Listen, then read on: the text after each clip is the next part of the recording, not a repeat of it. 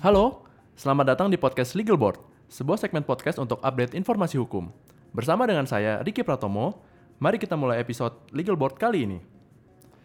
Pada episode ketiga kali ini, Legal Board akan mengangkat isu pembaharuan eksekusi jaminan fidusia akibat dijatuhkannya putusan MK nomor 18 tahun 2019 pada tanggal 25 November 2019 yang lalu. Sudah bersama saya di studio, yaitu Bang Lewi Aga Basuki, seorang banking and finance lawyer di law firm Ginting and Rexo Diputro in association with Ellen and Overy. Selamat datang, em, Bang Lewi Aga. Eh, Terima kasih sudah mau mengisi podcast. Ya. Gimana kabarnya, Bang? Eh, baik Ricky, baik, baik, baik. Thank you, thank you buat kesempatannya. Iya. Oke, jadi kita eh, langsung masuk aja kali Bang ya, biar nggak lama-lama podcastnya. Jadi sebelum kita membahas tentang putusan MK-nya, boleh dijelasin sedikit nggak? eh, sebenarnya tuh jaminan fidusia tuh apa?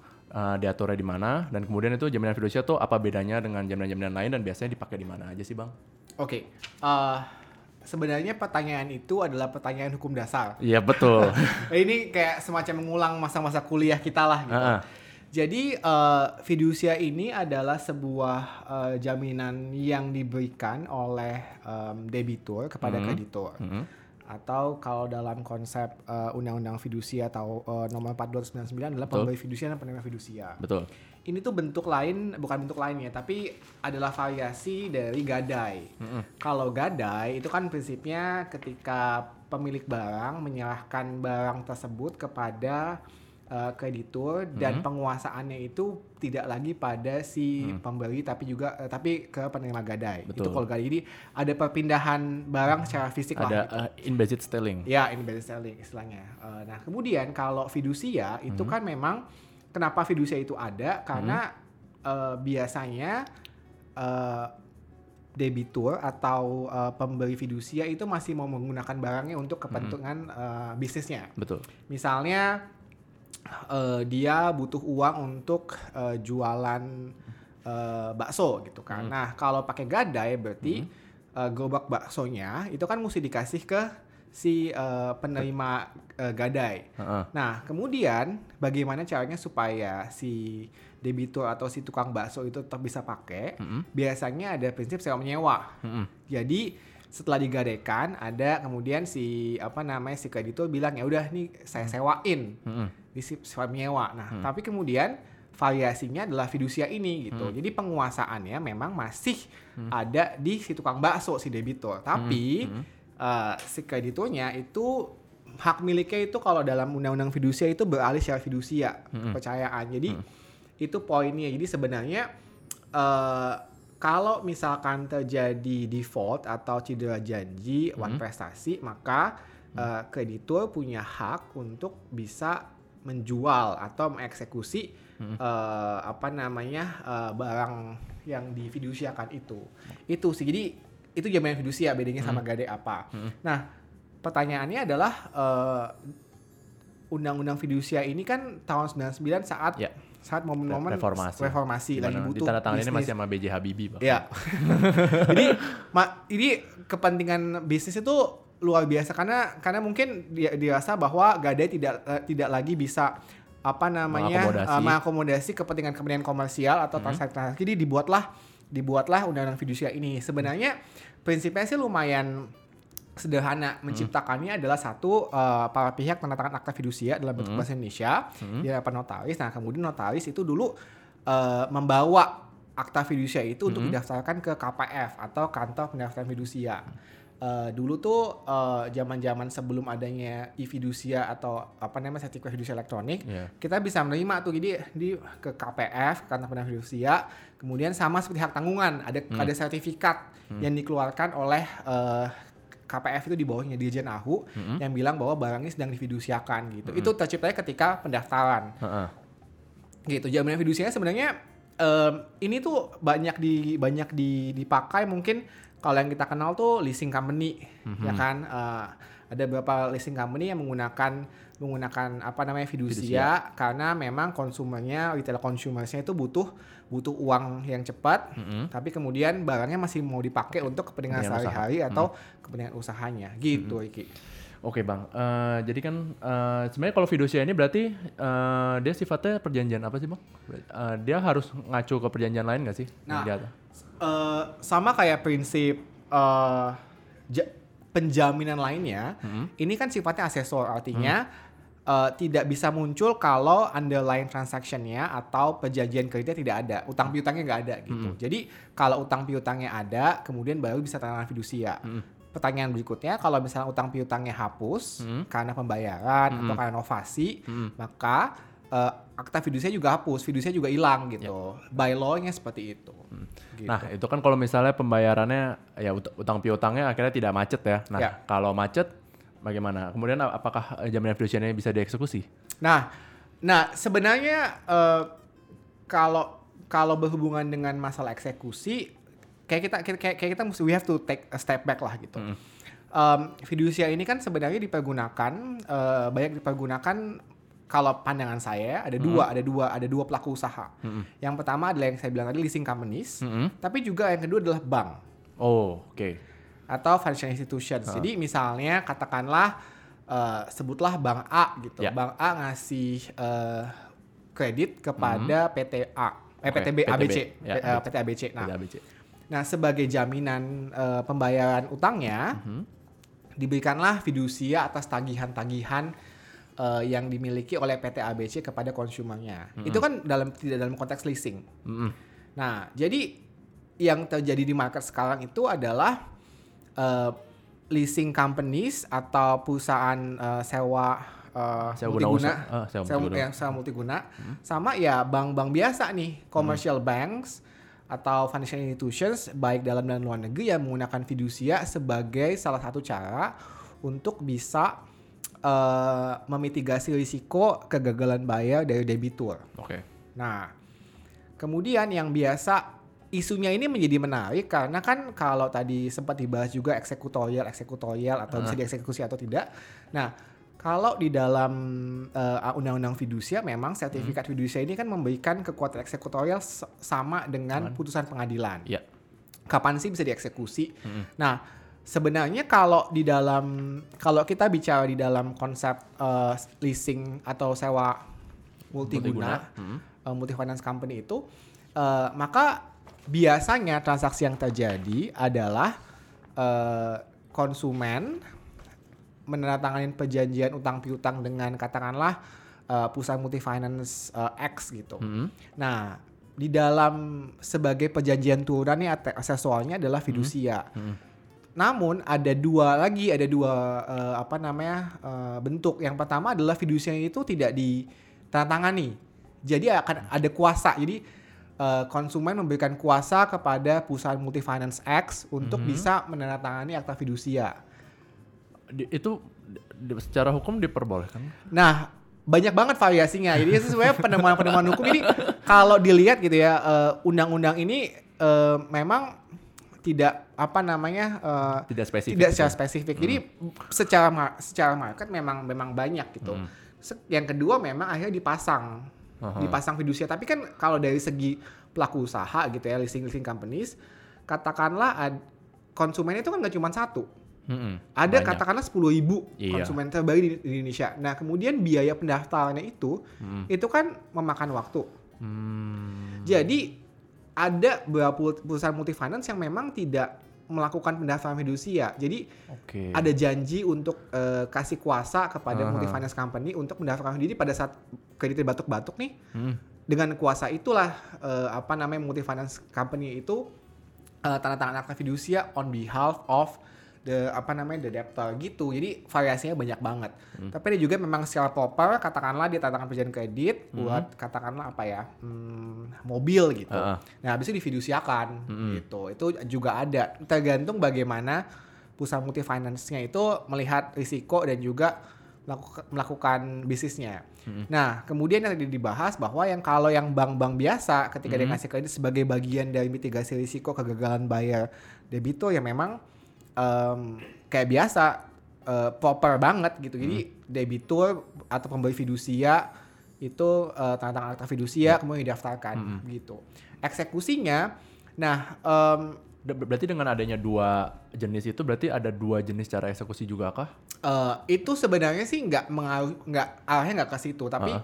tapi kita melihat bahwa pada praktiknya Hmm. memang banyak sekali variasi-variasi dari transaksi fidusia yang menggunakan fidusia Mm-mm.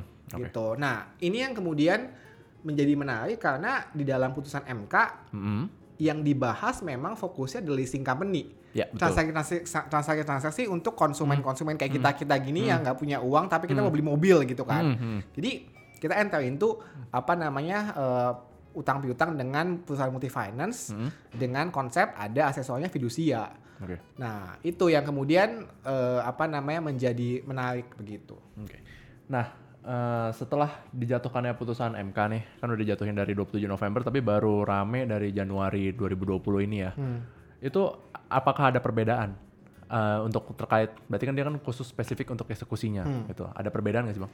Nah, kalau oke, sebelum kita bahas itu mungkin Boleh. eh, putusan MK itu ngomong apa sih gitu Boleh, kan? Ya kan? Jadi putusan MK itu sebenarnya dia apa namanya membahas ada em, dua pasal gitu atau dua ayat. Ya.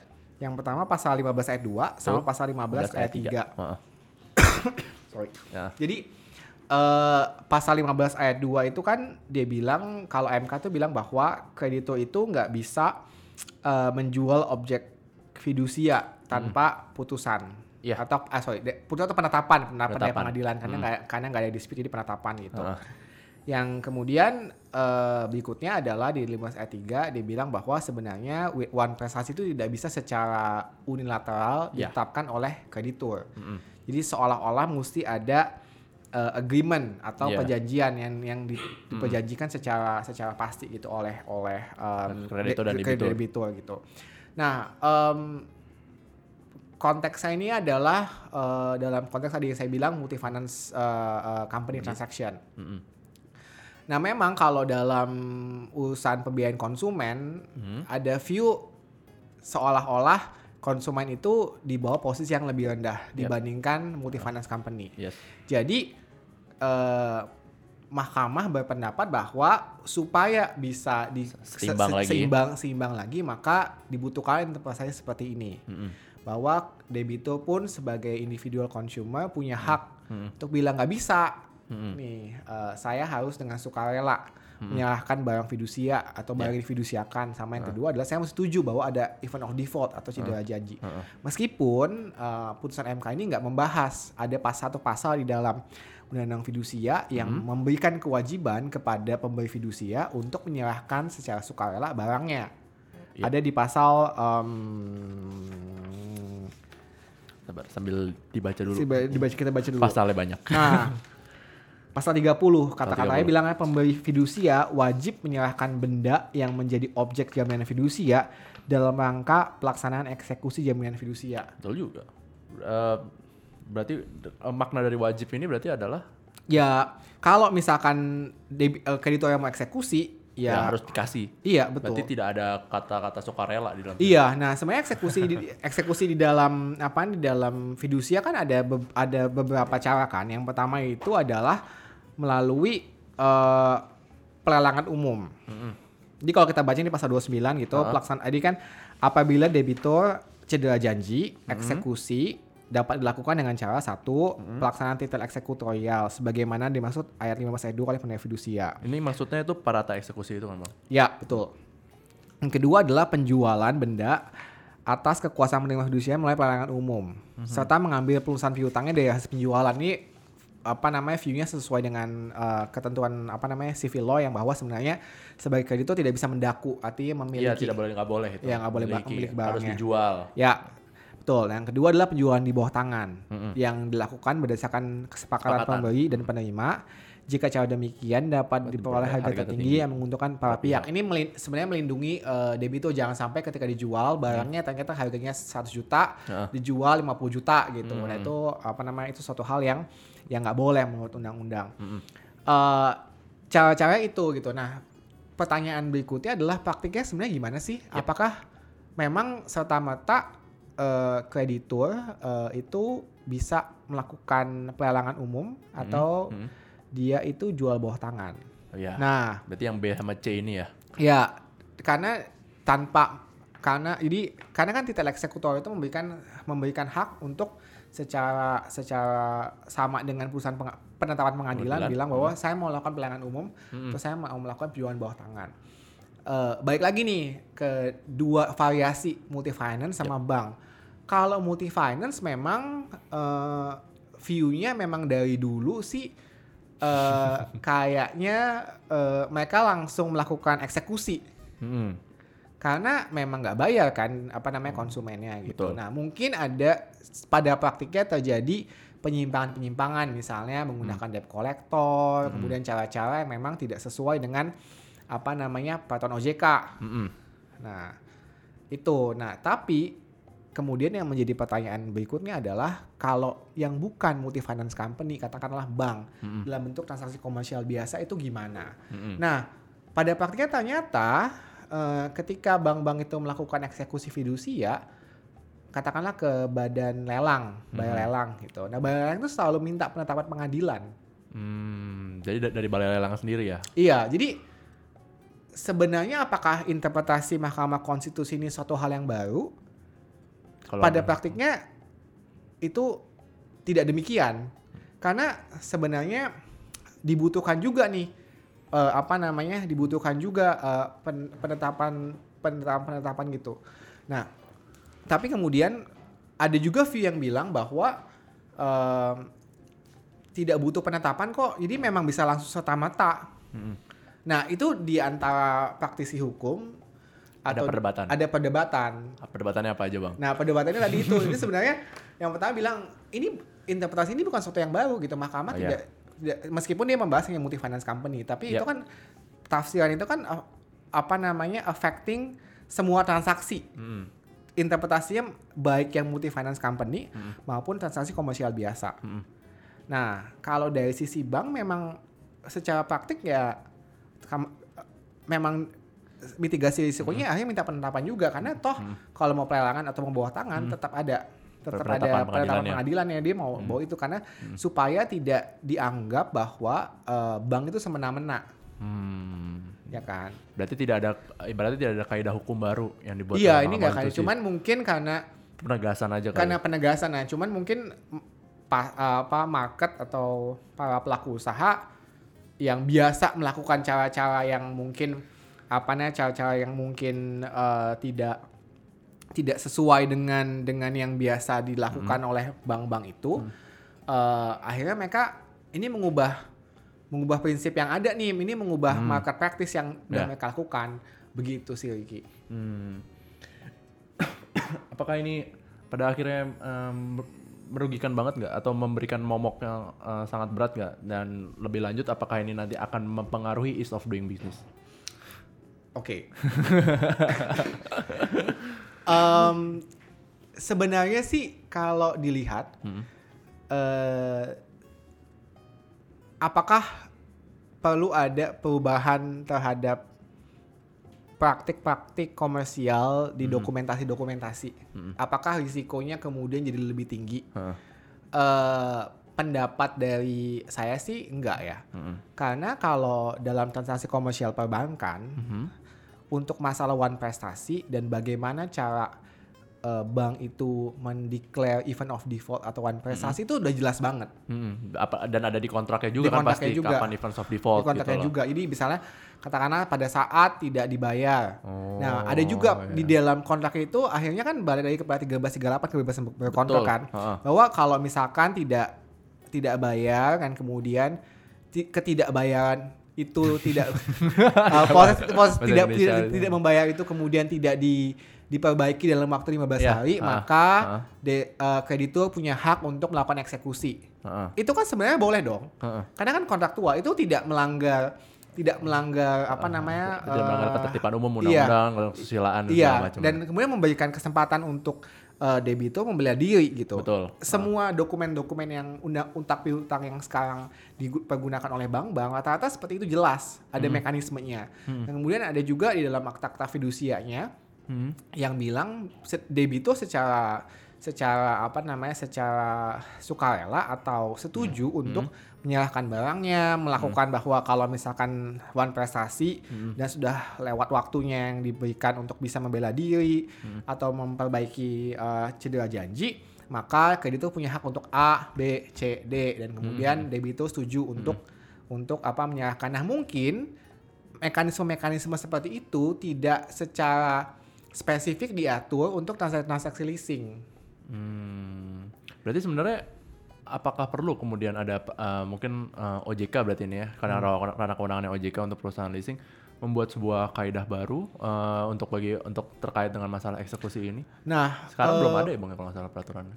sem- POJ untuk it- untuk untuk POJK mengenai mengenai ini sepertinya sih udah sempat ada ya untuk untuk secara secara khusus yang mengatur mengenai mengenai multi finance company dan juga eh, Kalau eh, multi finance dan uh, secara institusinya dan Iya. hukumnya udah ada, tapi kalau misalnya untuk transaksinya gitu. terus secara khusus soal soal eksekusi memang tidak ada aturan yang Iya. POJK baru nih mengenai Iya. ini gitu. Em, tapi kan di dalam POJK juga ada tentang perlindungan konsumen. Iya betul. Hmm. Nah, poin itu yang mungkin mungkin harus diperhatikan oleh para pelaku usaha khusus untuk leasing companies. Nah, apakah kemudian leasing companies harus serta-merta mengubah eh, dokumentasinya atau melakukan mitigasi risiko dengan mengacu kepada seperti yang sudah dilakukan oleh bank-bank biasa, bank-bank komersial ini?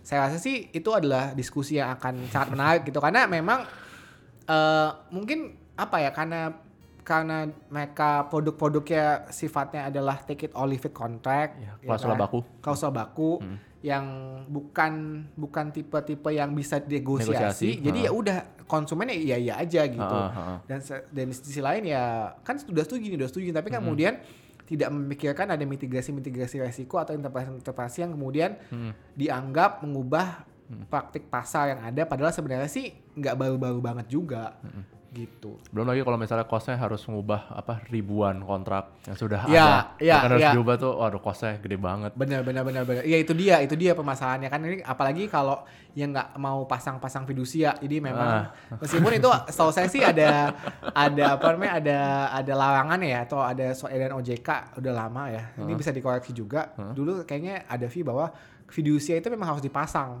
nggak bisa didiemin gitu aja gitu loh. Maksudnya nggak boleh ada Iyalah. kuasa-kuasa fidusia, kuasa fidusia itu, itu itu itu itu isu yang juga penting untuk untuk apa dibahas. Karena eh, leasing company memang variasi eh, produknya dan juga variasi transaksinya memang beda-beda. Gitu Iki.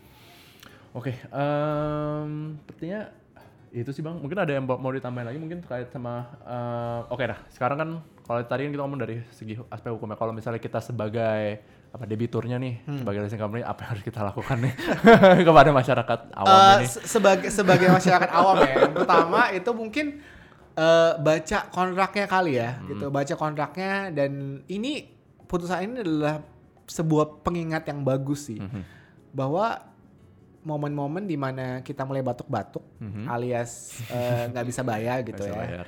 Itu diatur jelas atau enggak sih di dalam di Kontraknya. dalam kontraknya? Apa jangan-jangan nggak bayar sekali langsung bisa ditarik, langsung tiba-tiba dapat debt collector gitu. Nah, kita juga harus mawas diri juga sebagai uh, individual uh, consumer mengenai hal ini jangan sampai memang spiritnya sih memang dari bacaannya apa Mahkamah Konstitusi memang untuk melindungi konsumen konsumen biasa gitu. Nah isu yang menariknya adalah apakah apa namanya kedudukan ini juga berlaku untuk company-company besar gitu, multi finance company ketika eh, sorry, eh, multinational company ketika berhadapan dengan bank. Oke. Gitu kan ketika kan negosiasi ini. Tapi Ya. kalau misalnya sebagai individual consumer kan jarang negosiasi, iya iya aja Iya, karena iya. Kontraknya kontrak kontrak baku. Iya, apalagi kalau butuh motor cepet gitu kan, buat buat apa ya, buat ojek online yang Ya, gitu-gitu kan. Jadi ya, kayak ya, ya, ya harus mawas diri juga sih Eh, sebenarnya. jadi jangan terlalu terburu-buru ya, pelan-pelan aja benar, baca, baca kontraknya. Oke, eh, dan kalau misalnya kontraknya ternyata eh, dia ada, wah ternyata oh, sekali ini apa namanya, sekali sekali batuk-batuk langsung ditarik, apa saran dari Bang Lewi Aga? Pindah eh, ke multi finance company lainnya. nah, kayaknya kayak multi finance company akhirnya jadi lebih jadi lebih eh, sadar bahwa memang harus ada harus ada perbaikan ketika mereka melakukan collection ke cu- customersnya. Sama yang kedua ya kalau dari segi apa namanya dari segi harus milih yang mana gitu Hmm. atau negosiasinya apa ya mungkin bisa ya sebagai eh, eh, consumer harus mulai nego-nego tuh. Hmm. Atau mungkin eh, mulai ikut juga apa bers- bersatu di YLKI ya kan? Seba- karena YLKI juga dia dihadirkan sebagai ahli pemohon gitu untuk ayo dong dibuat dong. Eh, misalnya eh, apa namanya panduan kontrak. Kalau misalnya asuransi kan dia punya ada gu- guideline kontraknya Ya, secara ya, umum. Ya, ya. mungkin. Itu juga ide yang bagus sih. Jadi mungkin asosiasi multi finance bisa mulai secara apa namanya secara aktif, Aktif. sounding sounding begitu. Dan mendudukan konsumen juga sebagai pihak yang setara bahwa katakanlah akhirnya nggak take, take it or leave it contract gitu tapi pasti ada costnya dong Ya. kan Mm. Eh, akhirnya dari segi company atau dari segi company pasti Mm. tidak ada keseragaman kontrak karena setiap kon, eh, eh, consumer punya kepentingan yang beda-beda nggak cuma masalah pembayaran ya bisa juga soal periode bisa juga masalah-masalah eh, pernyataan dan tanggung jawab yang mesti dilakukan jadi kalau misalnya dibuka satu maka ada celah-celah yang lainnya nih Mhm. gitu. Karena kebanyakan ujung-ujungnya emang ngeliatnya cuma bagian cicilannya aja ya Iya bagi cicilannya gitu, itu yang paling penting ya. Itu bagi cicilannya doang. Tapi kayak yang lainnya nggak tahu iya, iya. tapi kan ya kalau batuk-batuk udah langsung diambil ya kayak yang tadi ini kan yang namanya eh, pemohonnya ini kan juga menarik kan gitu. Ya, heeh. Da- da- dari em, kasus dia pribadi, ya kan dari Iya, permohonnya benar-benar. gitu. Yang yang kemudian affect the whole country. Wow, gitu. gitu. Em, Oke, kemudian eh, ada mungkin yang disampaikan, mau disampaikan lagi? Nggak ada. Eh, ini diskusi yang menarik dan eh, apa namanya kalau dari pandangan praktisi hukum khususnya eh, corporate lawyer gitu eh, di law firm law firm Jakarta ini juga kebagi dua pendapatnya. Mm-mm. Kita dibilang Nggak kebagi aja. tiga, katanya kan kalau ada dua eh, ahli hukum jadi ada tiga pendapat. Yang terakhir itu mungkin eh, belum baca.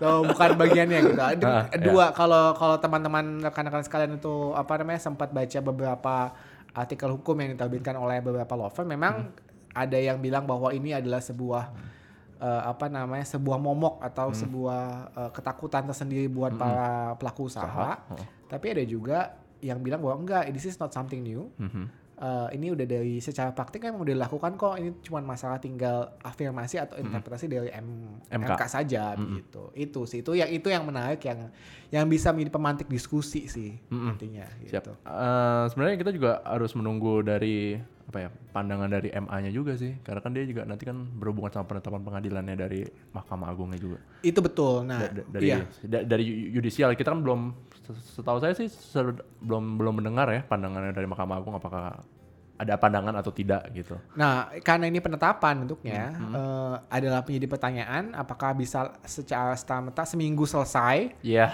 heeh. ya kan kalau ini dilakukan Heeh. maka ya akan ada biaya yang ditimbulkan kepada Biaya baru nih. iya biaya baru nih gitu Hmm. kan karena kan sebenarnya dari sisi pelaku usaha mau menghindarkan biaya-biaya tambahan ketika dia melakukan eksekusi Heeh. ketika dia masuk ke pengadilan ada kemungkinan penetapan itu di challenge oleh uh, Si uh, debiturnya. debiturnya Mm-mm. itu nah, ada proses lagi dan kalau itu baru cuma satu kalau misalkan tiba-tiba dia punya katakanlah ada 100 orang aja yang Nah, uh, yang mendengarkan podcast ini iya, dan kemudian terinspirasi. terinspirasi untuk masukin itu ya kan dia mesti bertarung dengan dengan apa dengan mati-mati kan di Iya. pengadilan dan apakah pengadilan kita cukup sanggup untuk bisa menangani permohonan penetapan dari para multi finance company ini itu adalah pertanyaan dan juga harus Ada bisa dijawab juga ya. oleh oleh Mahkamah Agung gitu. Siap. Nah, eh, oke. Eh, sebagai penutupnya, eh, jika para pe- pendengar masih penasaran atau ingin tahu lebih lanjut tentang mekanisme eksekusi jaminan fidusia yang baru, kalian dapat mengikuti Loophole Academy Legal Alert yang berjudul Putusan Mahkamah Konstitusi tentang Eksekusi Jaminan Fidusia, Implementasi dan Implikasi Hukum hari Kamis, 5 Maret 2020, pukul 9 sampai dengan 12 siang di MNC Ex Kolega Coworking Space di Menteng. Jika Anda berminat dan mau tahu informasi lebih lanjutnya, bisa akses ke website kami www.loopholeacademy.com atau juga bisa kepoin Instagram kami at loopholeacademy atau LinkedIn kami juga di loophole spasi academy. Nah, eh, dan juga per- patut dicatat bahwa acara nanti ini di tanggal 27 Februari ini, Bang Lewi Aga ini menjadi eh, moderator be- bersama dengan salah satunya eh, regulator yang kami hadirkan itu juga adalah dari pihak Mahkamah Agungnya. Mungkin nanti bisa diafirmasi lagi bagaimana eh, pandangan dari Mahkamah Agungnya. Oke, eh, sekian dari po- po- podcast kali ini. Terima kasih banyak Bang Lewi Aga Thank sudah you, mau you. menyempatkan waktunya sibuk untuk eh, mencerdaskan kehidupan bangsa. Thank you Ricky. Oke, eh, oke. eh, terima kasih untuk yang kalian yang mendengarkan podcast ini dan sampai jumpa lagi di episode selanjutnya. Bye.